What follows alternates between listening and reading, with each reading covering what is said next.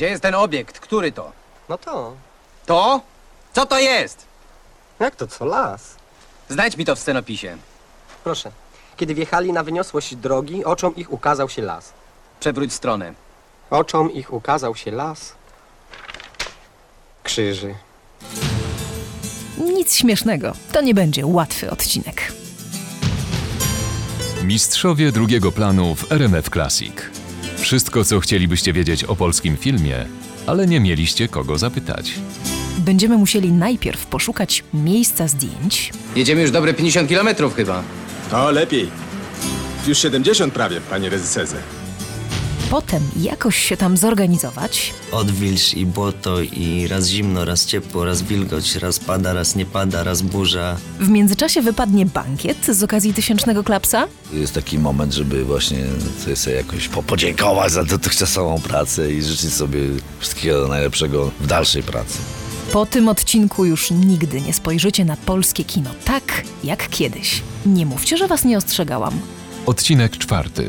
Czyli jak przeżyć na planie filmowym i nie zwariować. Zaprasza Magda Miśka-Jackowska.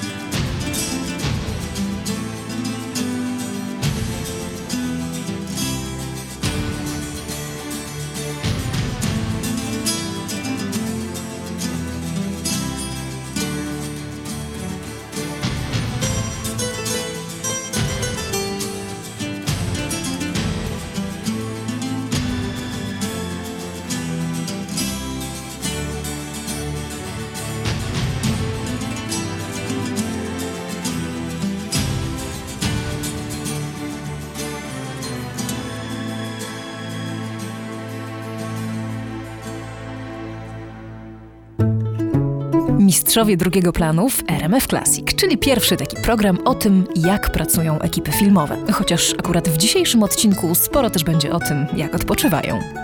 Plan zdjęciowy. Miejsce zdjęć. Lokacja pracy ekipy filmowej, obejmująca poza polem widzenia kamery także teren zaplecza. Kiedy kilkadziesiąt do kilkuset osób z własnej, nieprzymuszonej woli decyduje się spędzić razem ponad miesiąc lub więcej, zawsze towarzyszą temu emocje. Ale bez wątpienia są w polskim kinie ekipy bardziej i mniej zżyte. Małgorzata Szumowska tworzy plany niemal rodzinne. Ekipę w imię zabrała na Mazury, nie tylko do pracy.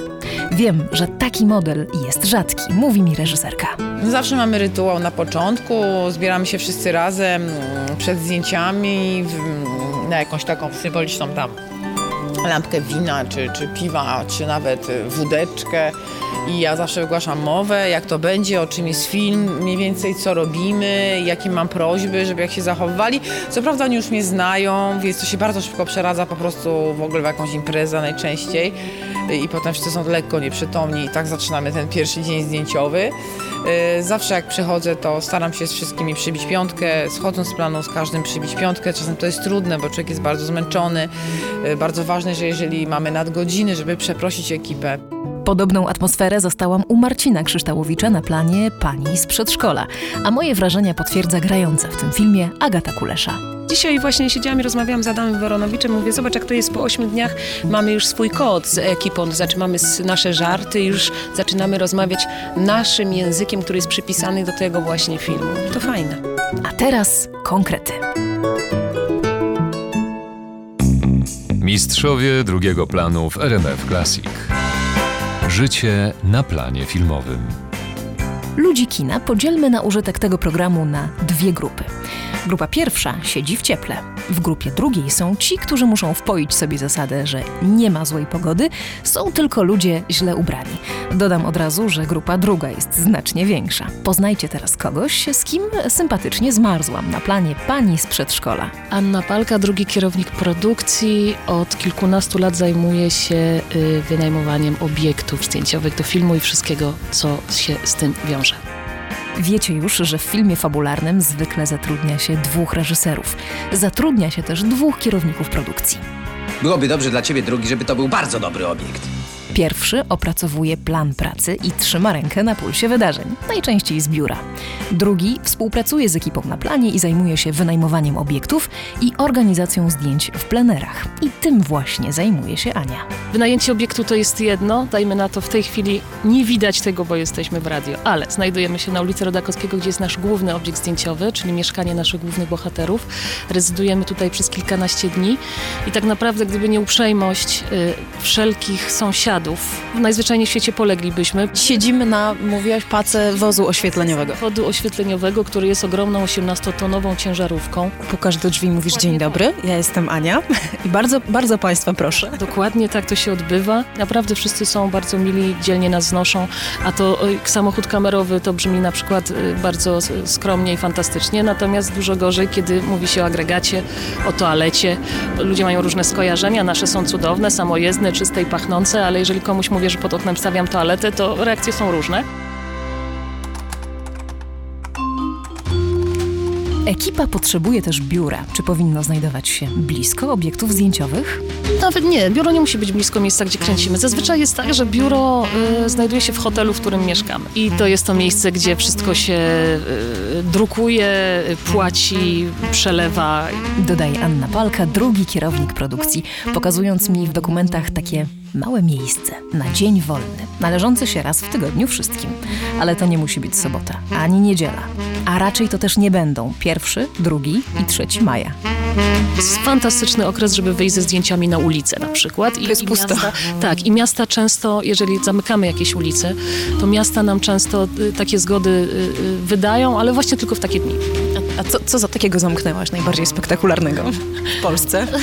Było parę rond i parę głównych ulic, ale żeby nie, nie, nie odchodzić gdzieś daleko, to przy tym filmie, przy pani z przedszkola, no udało mi się zamknąć Aleję Solidarności, która jest dosyć sporą ulicą, na takim sporym fragmencie pomiędzy y, kombinatem a, a, a jakieś 3-4 kilometry. Ponieważ film, który realizujemy jest filmem historycznym, to są lata 70., jednak ten ruch musieliśmy ograniczyć e, e, do zera. E, e, Scena wyszła fantastycznie. Mieliśmy kilkanaście naszych samochodów z epoki. Cudownej urody Wołgi, Syreny, Wartburgi i Maluchy. Krakowski Most Piłsudskiego jest już filmową gwiazdą. Grał u Spielberga w liście Schindlera i w Małej Maturze 1947 Janusza Majewskiego. Wspomina scenograf Andrzej Haliński. Musieliśmy o 6 rano robić te zdjęcia, a mimo to rozładowywanie korka trwało do 11, a tylko przejechała ciężarówka pustym mostem. Jednak od lat najtrudniejszym i najbardziej kapryśnym partnerem filmowców jest pogoda, która w jednej chwili potrafi zmienić wszystko. Kierownik planu Artur Gortatowski wspomina Różę Wojciecha Smarzowskiego, kręconą zimą bez zimy. Odwilż i błoto i raz zimno, raz ciepło, raz wilgoć, raz pada, raz nie pada, raz burza, no i tak dalej, i tak dalej, no to to jakby powodowało pewne utrudnienia.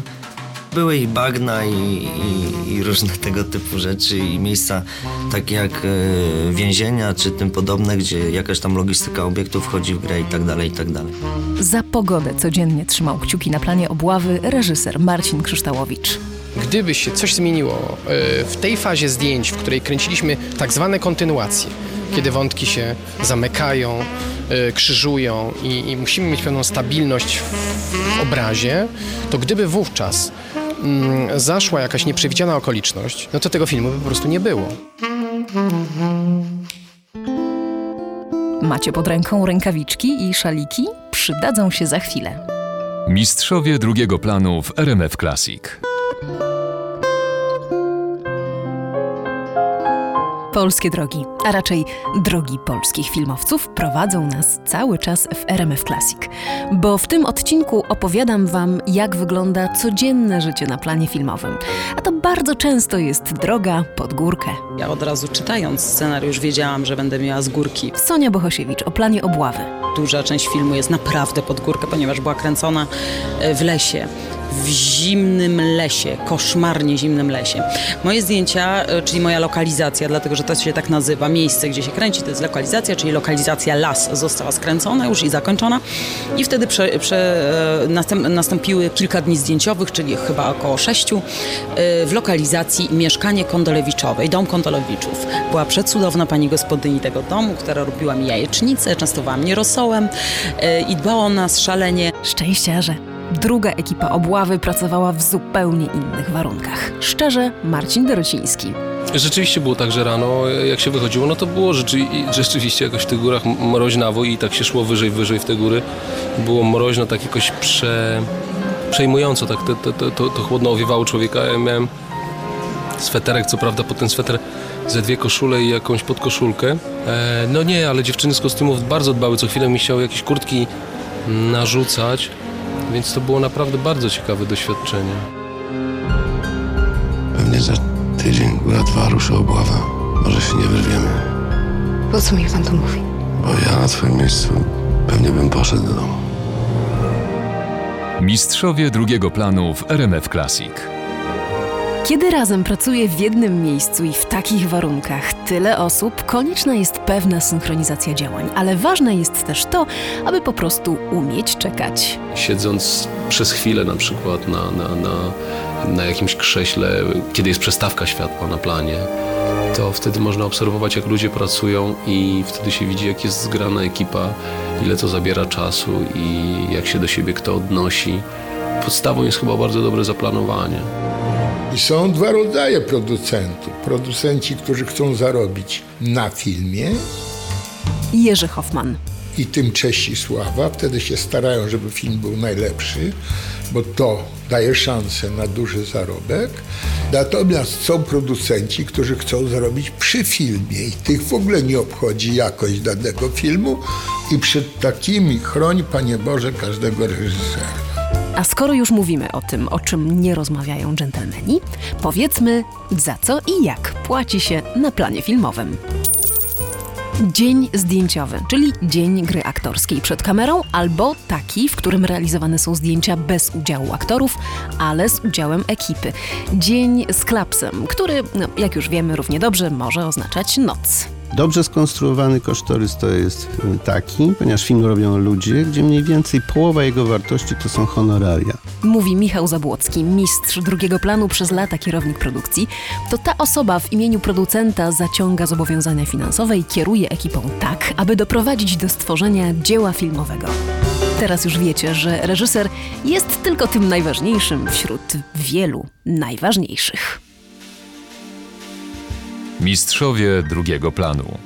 RMF Classic odkrywa sekrety polskich filmów. Zapytam wprost, jakie umowy podpisują współtwórcy filmu?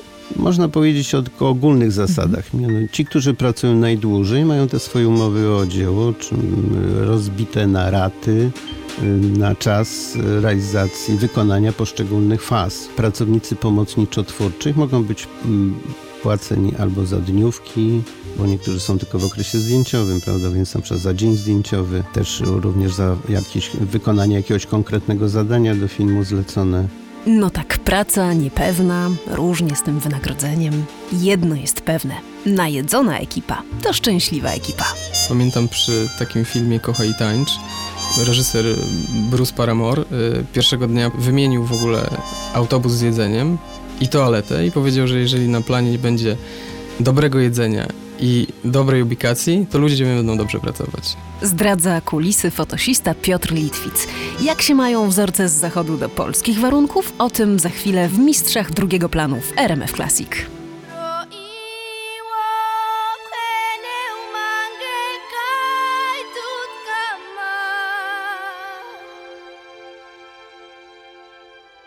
Mistrzowie drugiego planu w RMF Classic.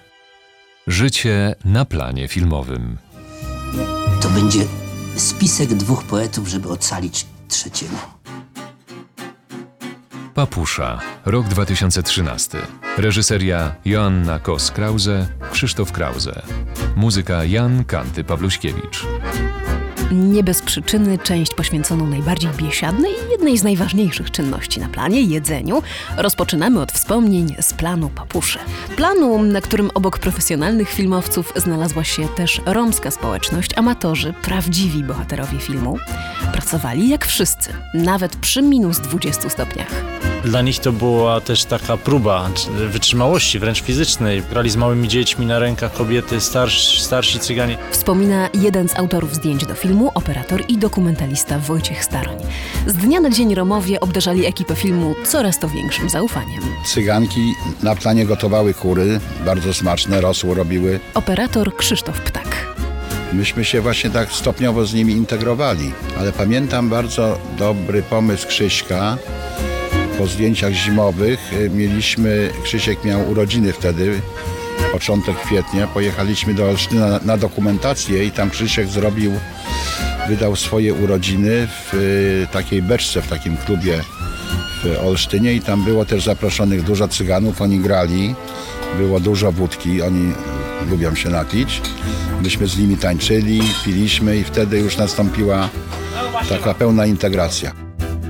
Pierwsza cygańska poetka, Papusza. Czy pan wie, że w Polsce nie ukazała się ani jedna monograficzna praca o cyganach? Nigdy. Romowie mieli w umowie taki punkt y, z tego, nie czytałem tego, ale mówiła mi Joasia i ludzie z produkcji, że oni musieli mieć codziennie na obiad mięso. No i pewnego dnia do, dostali spaghetti bolognese, no, czyli mięsne danie z mięsem spaghetti bolognese i nastąpił bunt Romów. Cyganki, Romki zrzuciły kiecki, że tak powiem, swoje kostiumy, powiedziały, że nie grają, bo nie ma mięsa. Catering jest bardzo ważny. Scenograf Andrzej Haliński, który kilka lat spędził poza Polską. Jak ja wyjeżdżałem, to nawet zupy nie było. Była zupa z wkładką, a przyjechałem na czasy cateringu. Znaczy jest taki e, stoliczek zwykle, stoi z boku i tam jest kawa, herbata, ten, ale trzeba pójść na, mimo że się jadło śniadanie e, w domu, to jakiś jest taki, jest taki odruch, tak, ma pani rację, jest taki odruch, żeby wejść do tego cateringu, powąchać tam, co, może herbatę, nie, kawę przed chwilą piłem, ten, a tu dziubnąć kanapkę ten, przygotowano i ten. To robi inną atmosferę. Na, na jedzeniu nie wolno oszczędzać, tak samo jak na hotelach. 1000 kalorii, 35% tłuszczów, 55% węglowodanów. Dzisiaj przepisy dotyczące posiłków profilaktycznych w pracy realizować jest dużo łatwiej niż kiedyś. Ale czy dzieje się to z taką samą fantazją? W czasach głodu myśmy się zbierali w takie grupki i sobie gotowali. Andrzej Haliński wspomina filmową Łódź. I na przykład mnie nauczył Has gotować. Potem wiele, wiele, wiele lat później przejął to Hoffman. Hoffman urządzał całe uczty. Po zdjęciach zbieraliśmy się wszyscy u Hasa. Tam każdy miał swoją rolę. Ja na przykład musiałem kręcić krakowski majonez. On uwielbiał różne kluchy, robił je na różne rodzaje i w ogóle się nie mówiło o żadnym filmie. W połowie sanatorium pod klepsydrą nie było żadnych rozmów. Słuchaj, a my tam jutro ten... Najważniejsza była konsystencja majonezu. No, mówi, nie zmieniaj ręki, bo, bo siądzie.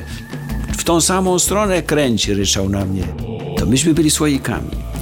Bo gdyby z domu, nie, z Warszawy, jakichś zawekowanych tam mięsek czy czegoś, czy, czy nawet skwareczki nie, niezdrowe bardzo, które ratowały życie no, w, przy pustych sklepach, stały gdzieś między oknami.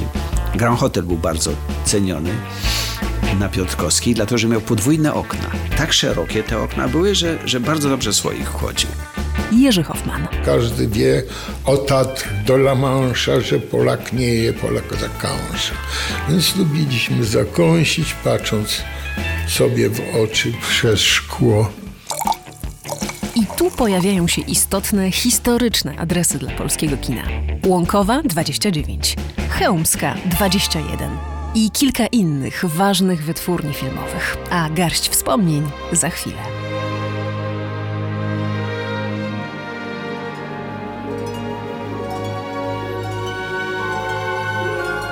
Pannę z Wilka, Wesele, Człowiek z Żelaza. Te i wiele innych polskich filmów, nie tylko Andrzeja Wajdy, łączy jeden adres. Chełmska 21 w Warszawie. Mistrzowie drugiego planu. RMF Classic za kulisami polskich produkcji filmowych. Chełmska. Oczywiście tam schodziliśmy się wszyscy, Wspomina Jerzy Hoffman. niezależnie od tego, czy ktoś był w produkcji, czy nie w produkcji. Jedni byli w montażowniach, inni w salach dźwięku, jeszcze inni na planie, a, a ci, co nie mieli w tym czasie nic do roboty, grali tam yy, w kości lub w karty. Oficjalnie Wytwórnia Filmów Dokumentalnych i Fabularnych rozpoczęła działalność 29 grudnia 1949 roku. Faktycznie działała już od wiosny w pierwszym wzniesionym od fundamentów całkowicie nowym budynku lewobrzeżnej Warszawy przy Chełmskiej 21. Przez lata ten adres stał się magicznym miejscem narodzin polskiego kina.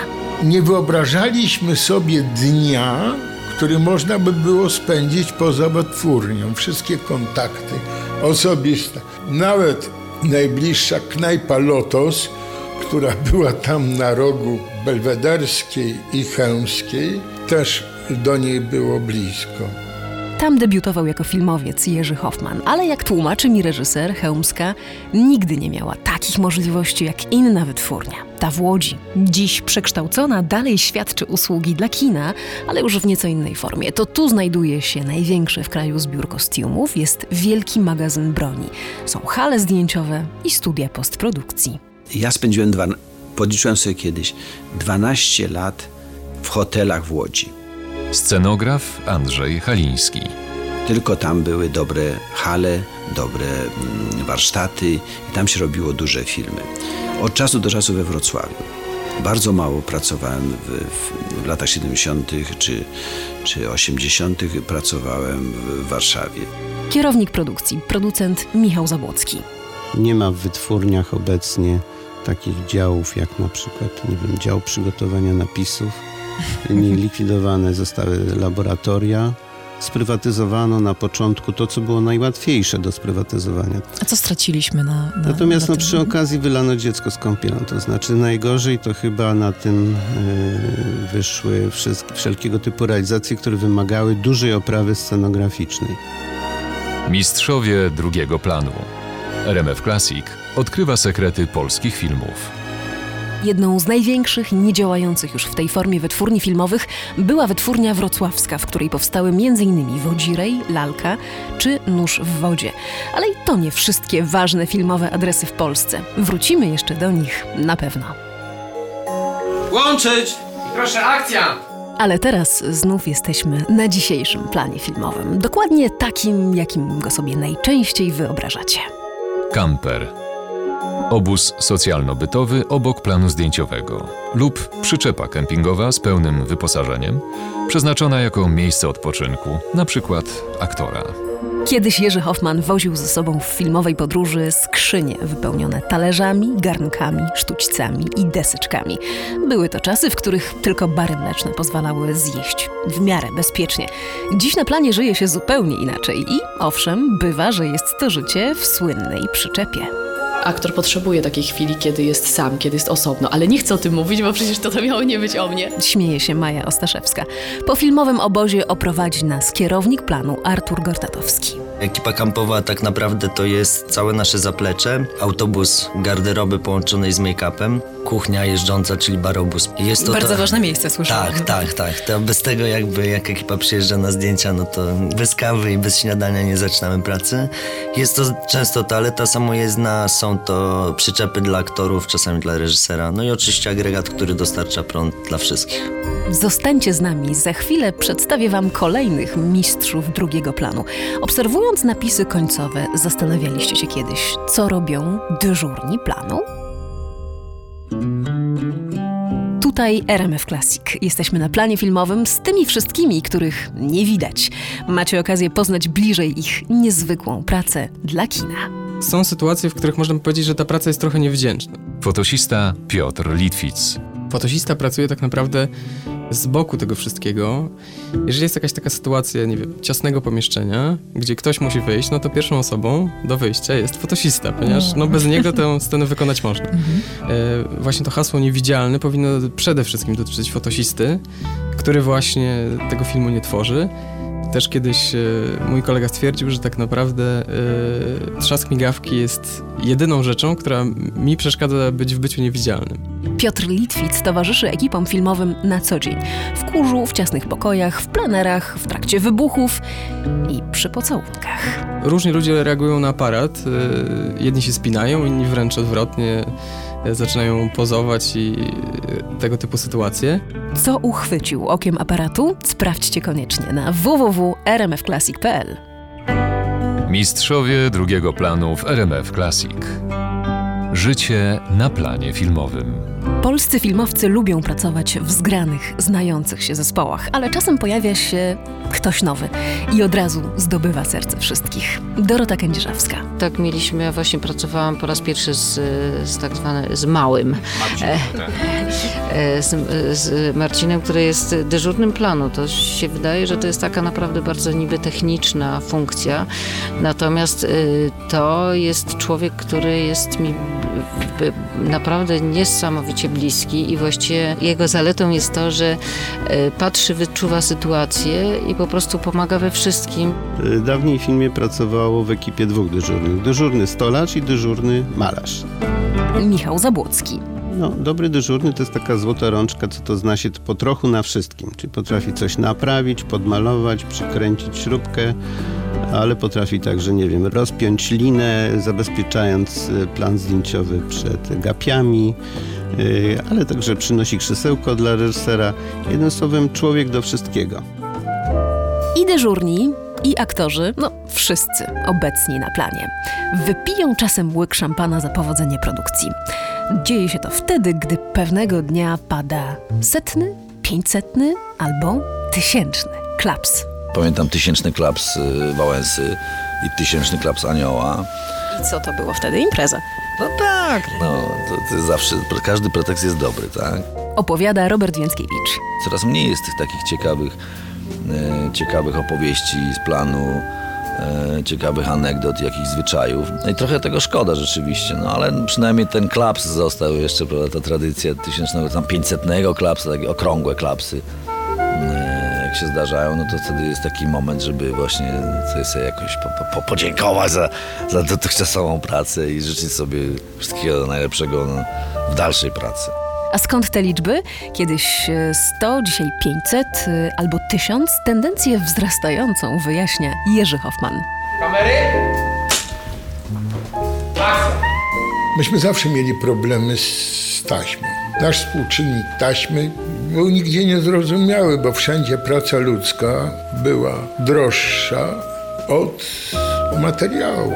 Krytyka y, zachodnia uknęła taki mit o duszy słowiańskiej, że to my y, mamy taki jakiś poetycki sposób widzenia, nasze ujęcia są długie. No bo jak można było robić wiele krótkich ujęć, skoro nie było na czym, więc robiliśmy jedne ujęcia, ale za to długie, no.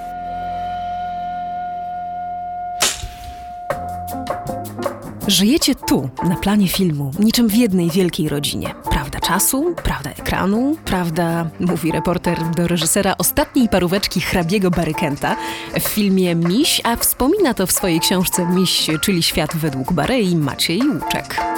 Członkowie ekipy odgrywali przed kamerą swoje prawdziwe role. Sekretarka planu Małgorzata Ruda zagrała samą siebie. Jerzy Derfel, kompozytor muzyki, pod którego batutą nagrano ścieżkę dźwiękową, otrzymał rolę dyrygenta. Kostiumolog Milena Celińska przed kamerą robi to, co zwykle na planie i przepasuje biało-czerwoną szarfą dziedzica pruskiego. Mam napisane w scenopisie. Wchodzi dziedzic pruski. Pruski, pruski, bo on się nazywa pruski. Wawrzyniec pruski. Polski dziedzic. Sporo członków ekipy pojawiło się przed kamerą także w innych wcieleniach. Kierownik produkcji Leszek Sobczyk gra tajniaka, który śledzi Irenę Ochucką podczas podróży do Londynu. Jerzy Bończak, asystent reżysera Zagajnego, cały czas nosi gruby chłopski kożuch, pożyczony od Agnieszki Arnold, asystentki Stanisława Barei. Ta z kolei nagrywa postsynchrony i mówi spoza ekranu Pani Iwonka, pani wytrze tę szminkę, bo klient znów się będzie pieklił. Z kolei drugi kierownik produkcji Tomasz Orlikowski spoza kadru wygłasza słynne Oczko mu się odlepiło! Temu misiu!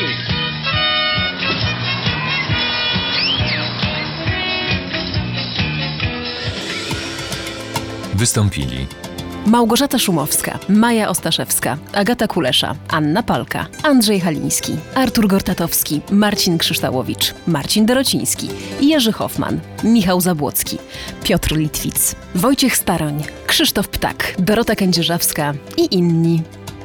scenariusz. Magda Miśka-Jackowska, filmowe definicje. Na podstawie słownika książki Organizacja Produkcji Filmu Fabularnego w Polsce Michała Zabłockiego, Współpraca, Bartłomiej Sury, montaż, Michał Woźniak.